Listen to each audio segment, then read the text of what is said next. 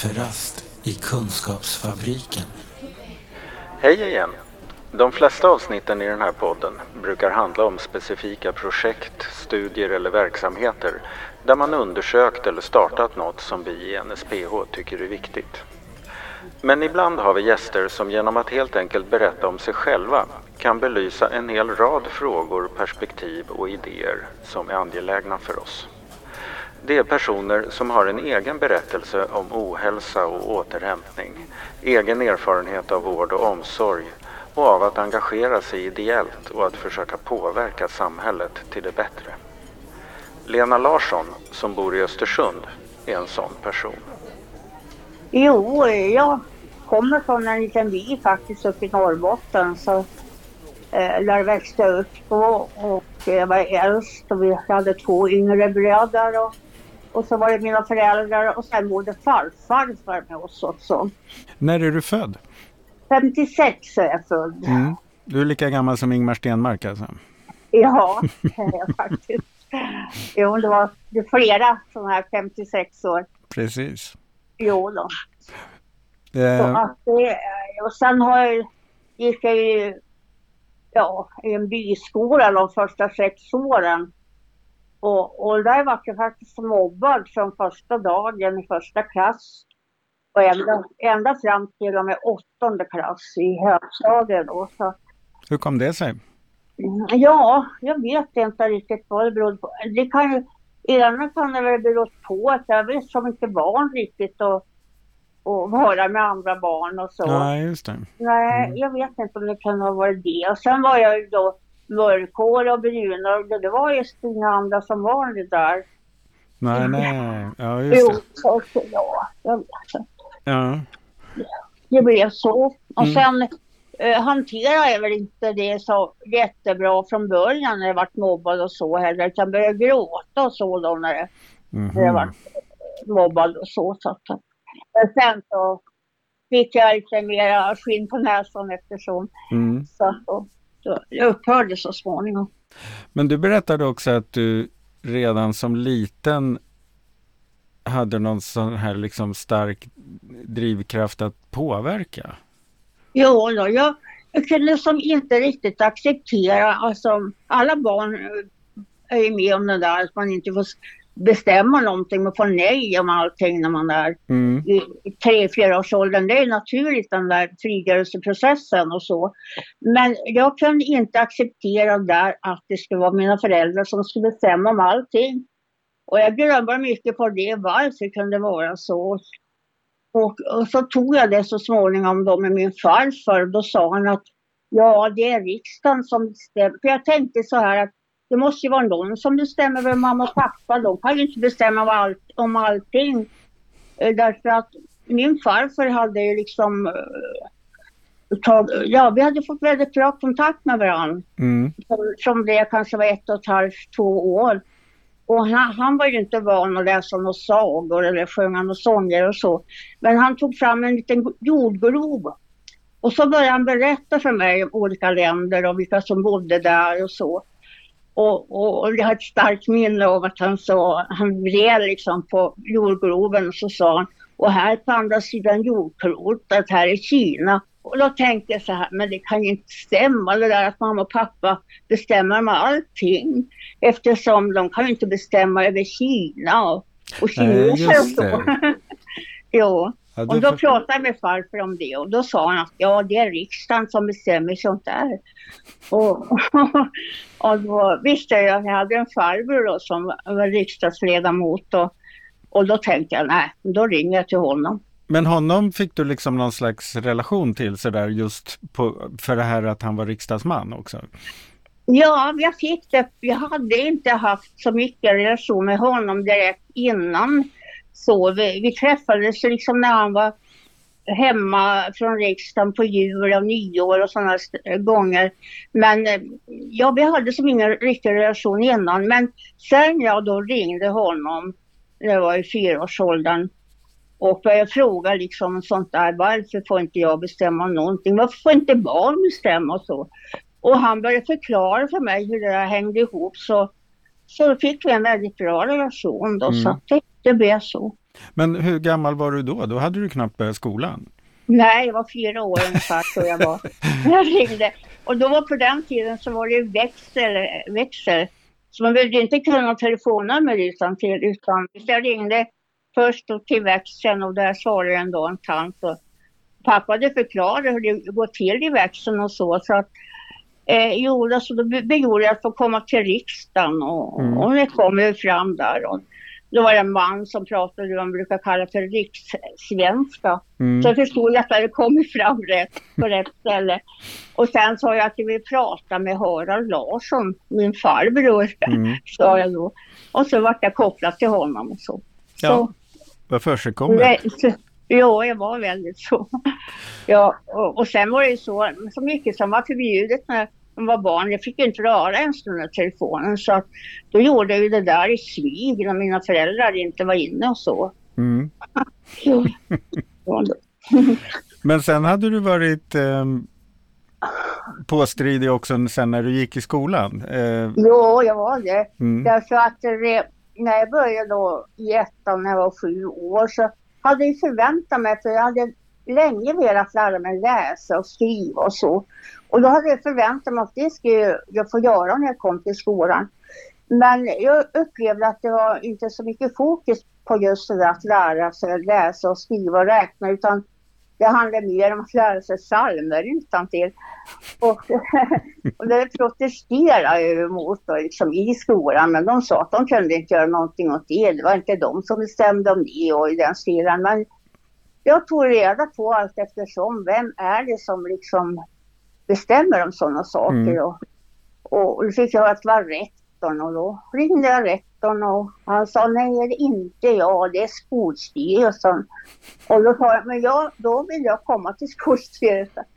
Ja, ja och, och då var jag till skolstyrelsen och argumenterade för att det där skulle försvinna.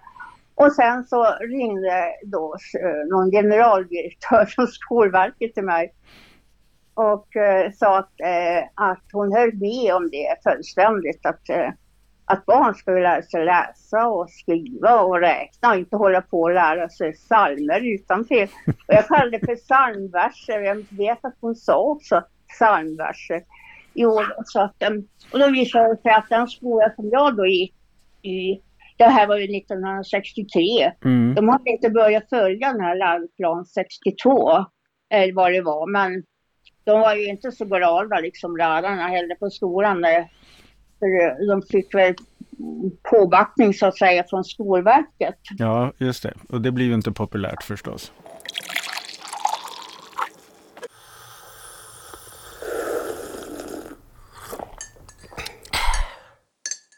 Det är ju ingen slump att vi sitter och pratar här nu för du är också aktiv i RSMH. Jo, jag har ju varit det. Sedan 1989 har jag varit aktiv mm. i RSMH. Jo, det har jag. Hur kom det sig? Jo, jag drabbades själv av psykisk ohälsa eh, då 1989 på hösten var mm. det. Först var jag väldigt deprimerad och så. Och, och sen, och, och jag satt, gick till en psykmottagning eller någonting sånt hette det så länge sedan, jag kommer inte mm. ihåg. Men eh, jag fick sitta där en hel dag och vänta och vänta när jag fick komma in. Jag grät precis hela tiden. Men eh, på, kom jag in kanske vid sextiden på kvällen. Det var där nio på morgonen. Så. Mm. Ja, och nej, då ville ju läkaren börja ge mig någon medicin och det var ju inte jag inriktad på att jag skulle ha överhuvudtaget. För då gick ju jag socionomutbildningen och eh, där så var det liksom inte så mycket övers för att, för att ta några tabletter och så, utan man skulle gå terapi, så det var det jag ville då. Och då fick jag gå därifrån helt enkelt. Eh, så de kunde inte göra någonting för mig då, sa de. Så då fick jag gå hem.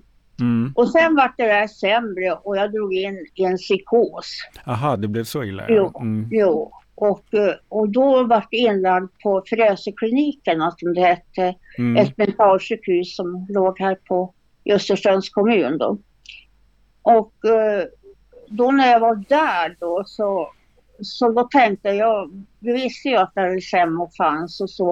Och då tog jag, var det ett par killar som kom, så jag från RSMH-distriktet tror jag de kom från. Mm. Och höll ett föredrag. då för oss patienter där. Och jag fick veta att de hade sin lokal och så. Och på min första permission från vården där så då sökte jag upp RSM och blev medlem. Mm. Och det var kanske i november eller december 89, slutet på året. Och sen då kom jag med i styrelsen då när det var årsmöte i februari Det kan gå fort ibland. 1990. Mm. Jo, så sen dess har jag liksom varit involverad i, i brukarrörelse på, något sätt. Men hur, hur har du mått under åren då? Ja, jo, det var ju kämpigt de första åren så för att det var eh, jag var sjuk några månader sen fick vart ju försöksutskriven var det så på den tiden. Mm. Och, och, och sen kanske jag var hemma ett halvår eller någonting. Sen åkte jag, vart det en ny, ny psykos och så. Så jag åkte bara in och ut och in och ut i, i flera år. Mm. Och, och så, så att... Men sen eh, stabiliserades något. Eh, kanske eh, ungefär i mitten av 90-talet någonting. Jaha, ja, just det. Då hade. Men då hade du åkt in och ut i fem sex år då någonting? Eller? Jo, ja. då, det hade jag. Ja. Hur mår du Och- idag då? Jo, jag, jag känner mig helt återhämtad från psykossjukdomen för jag, jag har inte haft eh, något skov eller vad man kan kalla det sedan eh, 2000 på hösten. Då låg jag inlagd. Och sen fick jag lite symptom ungefär 2002. Det var när psykiatrin tvingade in mig på det som heter daglig verksamhet. Jaha. De, ho- de mm. hotade mig. De sa så här att om inte du, du börjar där då kommer du bli jätte, jättesjuk och du kommer aldrig att komma hem igen. Ungefär så. Jaha. Och, och jag kände mig tvingad att börja där. Men det passade inte mig ett enda dugg. Det var liksom alldeles för låg nivå på alla Mm. arbetsuppgifter. Så då började jag må dåligt där på daglig verksamhet. På grund av att det inte var något som, ja, som inte... passade mig överhuvudtaget. Nej, vad hände då? då? Men Då slutade jag där helt enkelt. Mm. Jag, jag sa att nu slutar jag, men då försökte de övertala mig och så. De krävde att jag skulle vara där en uppsägningsmånad fast det inte finns några sådana regler i daglig verksamhet. Nej, det är Jag inte ett tänkte, jobb på okej, det jag, viset. jag, Nej. jag är här en månad till så de håller käft i stort sett. Och sen så, så när det gått en månad då, då gick jag förbi ett kondi, kondi, konditori och köpte en tårta. Eh, så jag tänkte jag bjuder den här gruppen då som jag varit med på en tårta och så. Och Mm. sen har jag aldrig mer satt min fot inom daglig verksamhet. Kafferast i Kunskapsfabriken. Vad har du gjort istället då? Nej, jag ägnar mig åt att eh, fortsätta jobba för att utveckla och förbättra vård och stöd och service. Jag har jobbat med, eh, varit ansvarig för brukarrevisioner och det jobbar jag fortfarande lite grann med. Och så, så att eh, jag har Mm. ägnat mig åt sånt. Sen har jag också haft eh, deltagit i en öppen referensgrupp på campus Jaha. Östersund Mm. på socionomprogrammet och varit delaktig och planerat en, en årlig återkommande konferens liksom, på socionomprogrammet. Och så har jag då varje år själv hållit i något seminarium där. Så det höll jag på med kanske i fem år eller något sånt. Jo, så, ja, jag har hållit på med det ena efter det andra kan man säga. Sitter du fortfarande i styrelsen för RSMO-föreningen? Nej, vi har den vilande nu här i Östersund. Mm. Därför att det var väldigt svårt att få någon kontakt med medlemmar. Mm. Och, och jag vet, det har väl kanske en del med pandemin att göra, men det var redan innan, innan den bröt ut så att säga. Mm. Jo, så att jag är med i, i RSM och Fjällsjö uppe i backen nu då, bara för att ha ta kontakten med RSM och så. Det är den föreningen som är ganska stor va? Ja, det är den största i Sverige tror jag Ja, faktiskt. det. I Lilla Backe. Jo, Mm. Men, men du har också varit aktiv i, i det här som heter Jämtlands läns brukarråd och NSPH där uppe. Jo då, jag har suttit i den styrelsen, varit med och byggt upp den där Mm. Paraplyorganisationen från start så att säga. Mm. och, och suttit i styrelsen, tror jag 12 år eller något sånt. Och sen har jag varit ordförande under ett år. Jo, men jag, sista tiden var jag representant för intresseföreningen Fontänhus då. Ja just det, för ni har en ambition att försöka starta ett fontänhus där uppe, är det så? Ja, precis. Ja, det. det var då jag och RSMO då, som tog initiativ till, RSMO Östersund som mm. initiativ till att börja driva på mm. och få, få igång fontänhuset. Hur har det gått med det då? Ja, det är kärvt faktiskt. Vi har fått, eh, ja, redan 2020 tror jag det var, vi fick beslut från regionen att de skulle bidra mm. till en del av finansieringen. Men det är kommunerna som ja, väldigt tveksam allting. Mm. Men nu har de satt igång i alla fall eh, en utredning för att ta reda på om det finns behov av ett fontänhus. Ja, och då ska vi hålla på med den utredningen ett helt år. Så att, ja, så att det... Men jag tänker på det här, din det här drivkraft att ta reda på hur det funkar och vem som bestämmer och sen vara med och påverka. Känner du att det är liksom samma sak nu som du håller på med som du gjorde när du var fyra, fem år? Jo, det är det faktiskt. Men nu har jag liksom valt att kanske ägna mig mer åt partipolitik. Ja, just det. Ja. Mm. Jo, men jag är kvar ännu lite fötter i brukarrörelsen, det har jag. Men mm.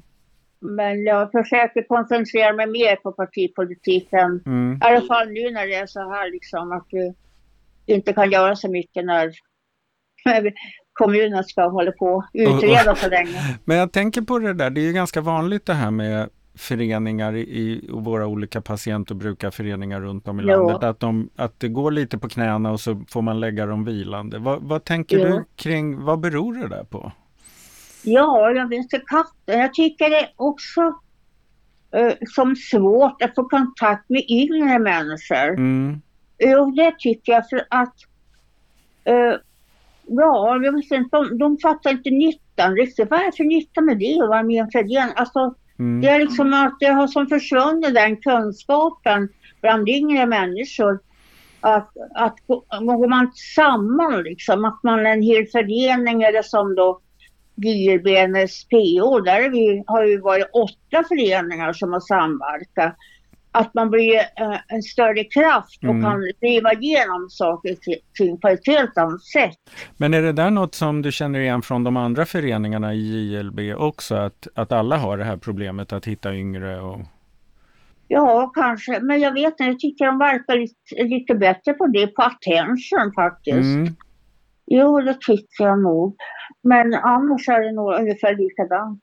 Men det, det, finns ju också något sånt där eh, som jag tycker mig se att de som startar en förening är ju ofta de som åldras med föreningen på något jo, sätt. Eh, så att jag undrar om det är så att de unga startar andra föreningar?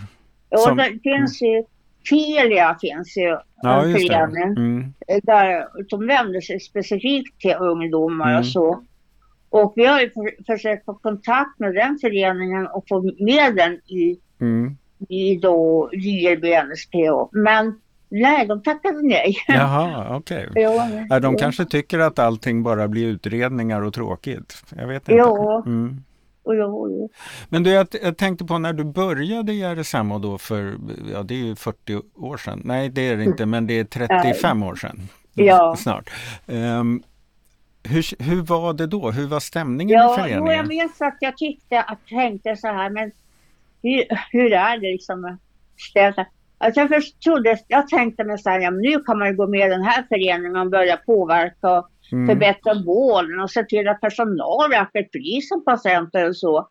Men men jag märkte som att nej, det var inte direkt något intresse för det. Nej, det där ska förbundet hålla på med, inte vi och så. Jaha, så det fanns jo. inte det engagemanget i lokalföreningen så att säga? Nej, det var inte det på den tiden. Men... Vaknade den här gamla pådrivaren i dig då? Som du hade... Jo, så. till slut så. så började ni påverka i alla fall eller? Ja, då. Ja.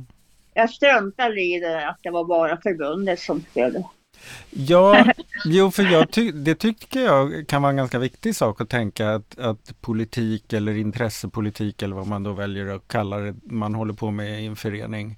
Klart att, det är självklart att man i föreningen har aktiviteter för sina medlemmar, att man har träffar och liksom stö stödjer varandra och sådär på olika ja, sätt. Precis. Men att det också finns ett ganska stort behov av att forma påverkan från även de små föreningarna till sin Ja. närmaste kommun eller vad det kan handla om. Ja, precis. För att det är inte så lätt för de som är i förbundet på, i, i Stockholm som det handlar om Mm. att, att kunna påverka hur, hur det är i, i Jämtland eller Östersund och så.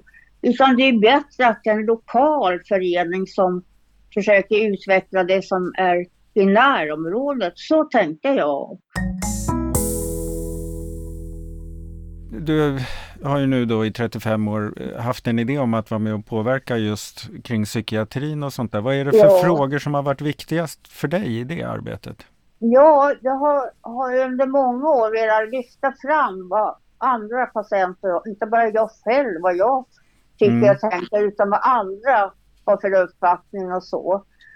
Eh, Och att, för att personer med psykisk ohälsa i regel så är de, de vågar inte säga så mycket. De, ja, de tycker allting är bra fast de inte egentligen gör det. Och, så. och då har jag velat lyfta fram att så här är det faktiskt. Och, och sen så har jag också tänkt redan från när jag vårdades själv, ja, jag kanske hade vårdats där i två, tre dagar på födelseklinikerna. Då tänkte jag så här, det här ska jag ägna mig åt, att Mm. förbättra vården. Därför, och det är fortfarande upplever jag så, att särskilt inom psykosvården, att det finns en konstig inställning att personalen vill uppfostra patienterna. Och jag tänkte så här, att jag, jag måste inbilla mig, liksom, försöka uppfostra mig. Och, och, och, så. och det är faktiskt en, en me- metod som kallas för makt, maktstrukturen. Mm. Eh, under pandemin så deltog jag på något sånt här digital eh, dialog med någon forskare och så. Mm. Och de tog upp just det där att det finns en inställning bland psykiatrins personal att de ska uppfostra patienterna. Och det är sådana här konstiga saker som jag tycker att det måste bort helt enkelt. För det sitter inte i uppfostran eh, om, man börjar må dåligt liksom. Nej, och det är också, eh, det är också så att oavsett Alltså det är ju du i slutändan som efter att du har fått vård ska ha en uppfattning om vem, hur det funkar för dig. Ja, precis. Ja, det var en konstig inställning. Och sen så har de också väldigt svårt. Jag gjorde en brukarrevision tillsammans med en annan Mm. tjej för några år sedan på en annan avdelning då som brukar kallas affektiva då för eh, personer som har depression eller bipolär diagnos. Och så vårdas även äldre, äldre, äldre, patienter där. Mm. Och jag gjorde en observationsstudie för vi ville eh, kolla om det eh, överhuvudtaget förekommer någon interaktion mellan pa- patient och personal och vice versa. Och vi kom fram till att det gör inte det i alla fall i, i de allmänna utrymmena. Där det fann, förekom inte helt enkelt. Så man sitter helt enkelt inte särskilt mycket och pratar med varandra. Nej, Utan kom det personal till, eh, de brukar kallas för dagrum där Mm. patienten sitter och, och så. Då tog eh, personalen fram sin eh, smartphone liksom och började scrolla i den. Eller tog fram en tidning och bläddrade i den. De pratade överhuvudtaget inte med patienterna. Mm. Och så där upplever jag att det har alltid varit inom psykiatrin. Jag förstår inte varför de inte vågar prata med patienterna Mm. helt enkelt. Nej. Men om, man, om vi tittar på, lite kring din egen erfarenhet och din egen sjukdom. Vad är det som har hjälpt dig att börja må bra igen? Jag upplever att det är för att jag inte har fokuserat på mig själv. Mhm. eh, vad jag har för problem och, och, och sådana saker. Utan jag har, har liksom engagerat mig för att hjälpa andra och för att påverka och utveckla på olika sätt. Så att eh, jag tror det är min medicin har varit det att jag inte har har tänkt liksom varför ska jag drabbas och, och Nej, sådär. det. Som, som, det gjorde jag från början men så tänkte jag nej det här leder inget gott så då struntade jag i att tänka så helt enkelt. Du satte helt enkelt din upp, din, det du hade råkat ut för i någon slags samhällskontext istället. Och så, Jo, Ja. för jag, jag kände att det fanns så mycket som man kunde göra inom psykiatrins Mm. värld där. Och, och, och så, så att då har jag fokuserat på det helt enkelt. men fick du några läkemedel och sådär för att få hjälp att häva psykoserna och sånt? Jo, då, Mm. jag, jag var tvångsmedicinerad Ja, eh, och jag fick ett läkemedel som heter Trelafon och det Mm. har jag då haft jag nästan 30 år. Jag hade det under en kort period hade jag något annat läkemedel mm, Och, och då var det en väninna som var i Göteborg som läste i någon tidning att man kunde ge av den Ja. medicinen. Så då eh, berättade jag det för min läkare och sa att jag vill inte ha kvar det där längre. Och då fick jag byta tillbaka till Trelafon. mm. Och är det Jo, det, äter du det fortfarande? Nej, Nej. jag kunde sluta. Jag kunde få träffa, jag kanske var 2020 ungefär. Mm. Nej, 2008 kanske. Mm. Det var något sånt. Då ville jag börja, kände mig att jag var inte motiverad längre. Nej. Tal om det här. Jag tyckte att det var, att jag ville pröva att vara utan. Mm. Och, och, och jag fick med mig en läkare, tack vare det var en sjuksköterska då som stöttade mig i det. Ja, hon sa att låt Lena pröva det för att hon, hon ringer mig direkt som det är någonting. Det kan du lita på. Mm. Och då, då fick jag liksom börja träffa ut. För jag hade telefon, där slutade de med tillverka tabletter för Jaha, ett okej. antal år sedan. Mm. För jag hade ju då injektioner. Så då, då fick jag börja och uh, fasa ut dem. Och det höll jag på i två år med att Mm. göra. Så att det var längre och längre emellan. Men Jo. ehm, hur, vad, hur kändes det då? Kände du, Jo. blev det någon skillnad att vara Lena när du tog bort dem där? Jo då, jag, Mm. jag märker stor skillnad faktiskt. På vilket sätt då? Jo, jag kan känna känslor. Mm. Mm, det, jag, jag har trott att jag har känt, känslor förut. Men efter några månader så, så börjar jag känna känslor. Och så att eh, det är liksom den största skillnaden. Var det bara bra? Jo, det är bara bra för Mm. mig i alla fall. Ja, Jo, vad ja. härligt. Jo, ja. Men du sa att du hade en sköterska där som eh, litade på dig och som du li- verkade lita på. Eh, Jo. Som du, är det en kontakt du fortfarande har kvar om det skulle hända Nej. något? Nej. Nej, hon slutade där efter ett, tag. Och jag är inte kvar som patient på psykiatrin längre. Du är utskriven helt nu? Jo, Okej, helt och hållet härifrån.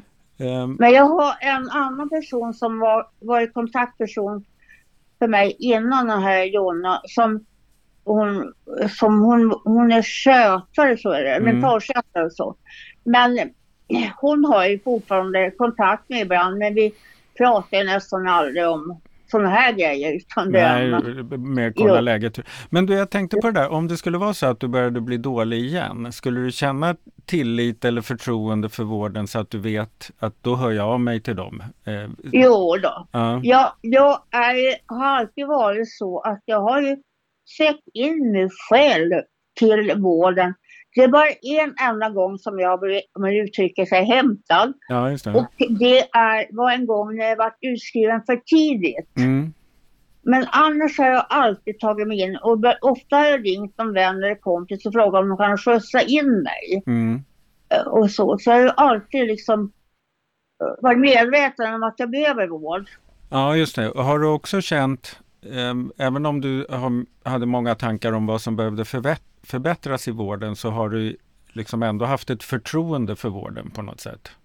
Ja, från början hade jag inte så bra förtroende. Jag tyckte, när man ställde olika frågor så tänkte jag så här, men vad har du med det att göra och så. jo. Men jag lärde mig sen efterhand. Och jag tror mycket som hjälpte mig var när jag kom med i psykiatrins brukarråd Mm. och träffade andra i liknande situation. Och då förstod jag att eh, ju mer öppen jag är, ju bättre vård kommer jag få. Så där var det liksom en skillnad. Kände du då, innan du, kom, innan du fick den insikten, var det så där att du försökte vara lite hemlig med hur du mådde? Jo, jag såg det. Mm. Jag var liksom också, jag tyckte de ställde upp frågor så jag tänkte vad har de med det? Men då gick jag också, jag tjatade på och drev på så jag fick ju gå i psykodynamisk terapi Mm. under några år. Och för den psykologen som jag gick hos, där var jag ju öppen, men inte till läkare och så. Det Nej, var just det. liksom, Mm. det var Men- som en gräns jag hade på något vis. Men den, den gränsen har du inte kvar? Nej, Nej, det har jag inte. just det. Vad skönt. Jo, Mm. man lär sig så småningom. Man har ju ett helt liv på sig. Ja. Men jag har ganska bra kontakt tycker jag också så, så då med läkare och så. Sen efter jag, när jag hade börjat psykiatrins brukarråd och så. Så att då Mm. tyckte jag att det vart mycket bättre på alla sätt och vis. Hur vet vi vad som är bra? Hur vet vi att det blir bättre? Vad driver du för frågor nu när du jobbar, ägnar dig åt partipolitiken då? Vad är det för frågor du tycker är viktigt då? Ja, det är fortfarande sånt som har berör psykisk ohälsa på något sätt faktiskt. Mm. Eh, Jag, jag vill till exempel att, ska, att hemtjänsten, det har jag börjat påverka. Att, eh, att det ska vara, och inte vara det viktigaste att diska och bädda sängar och så. Utan personal ska också fråga de de besöker hur de mår. Och eh, vänta på svaret så att säga. Mm. Våga vänta. Och sen veta vad de ska göra. Om de förstår att personen mår väldigt psykiskt dåligt och kanske vill ta livet av sig. Vad ska Mm. de göra? Mm. Det, det är en grej som måste liksom eh, bli liksom lika viktigt som att göra någon praktisk åtgärd. Tycker jag i alla fall. Ja, verkligen. Och, och sen har jag också, jag ser ju också att det inte alltid är personal, liksom de som jobbar hemma hos folk, som att de är eh, brister och så, utan det är också ledningsansvaret som är bristfälligt. Det strukturella, hur de lägger upp arbetet och så. Så där har jag, har jag på också, lägga mig så att säga. Men är det för att man lägger upp arbetet på ett sätt så att man, de som är ute hos, hos gamla inte hinner ställa frågorna? Eller? Jo, det är väldigt stressigt. Mm. Eh, de har ju ja, några få minuter hos varje Mm. Eh, medborgare kallas det här just, Ja, som besöker. Jo, så, och, de har ju ständigt stress och det säger det till mig. Jag säger, jag säger du verkar så stressad nu. Jo, jag är så stressad, jag måste gå nu och, och så. så att, eh, Mm. och och jag upplever, för jag har ju hemtjänst för att jag har fått problem med rörligheten och så. Mm. Och, och då liksom känner jag liksom att, att det är, de allra flesta tycker jag är fina människor som är hos mig och så. Men det är ju den där stressen som gör att de hinner inte med hälften vad de ska göra och så. Och de utför inte alla sina uppgifter heller. Ja, För att, eh, även om de blir delegerade att göra något specifikt så kanske de inte gör det i alla fall. Och jag tror det är stressen där som påverkar. Jag tänker också att om de är väldigt stressade när de är hos dig, då hinner ju, dels hinner de inte fråga hur du mår. Eh, Men Nej. du hinner ju aldrig lära känna dem heller. Nej, det är för många också. Mm. Det, det kan komma kanske ja, i, i snitt här i Östersund när det är 17 Mm. olika personer som kommer hem till varje. Jaha, det är så pass. Ja, då, Jo, för mm. det är alldeles så många som man lär inte känna någon. Och de lär inte känna mig heller. Så Mm. att eh, nej, det där är ju någonting som måste ändras helt enkelt. ja. Bor du inne i Östersund? Jo, det gör jag. Centralt? Mm. Och ganska centralt. Jag flyttade till ett sånt här 55 plus hus för Ja, ja, år sedan. Är det bra? Jo. jo, det är väldigt lugnt och skönt måste jag säga. Inte massa fester? Inget dunka-dunka i väggen och så. Nej, precis. Ja, det är ju skönt. Du har sannerligen inte låtit pensionera dig bara för att du har fyllt Nej, 65? det- Nej. Nej, jag, jag kan nog inte pensionera mig på riktigt heller. Det, jag är liksom i behov av att ha någonting och ägna mig åt annars blir det så trist. Mm. Jag, och klarar inte riktigt heller. Det finns en mötesplats till och med i det här huset. Men jag, jag tycker det är för tråkigt bara se gamla människor måste jag säga. Jag vill liksom träffa an, olika Mm. åldrar och olika slags människor så. Ja, härligt. Ja, ja, men eh, du kommer ju inte ha tråkigt som pensionär. Nej, det tror jag inte. Vad bra.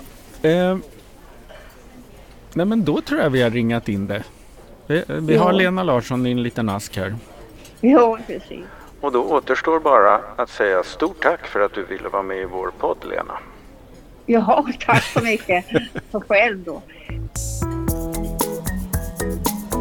Den här podden görs av NSPH, Nationell samverkan för psykisk hälsa. Läs mer på vår hemsida www.nsph.se eller följ oss på Facebook. Kafferast i Kunskapsfabriken.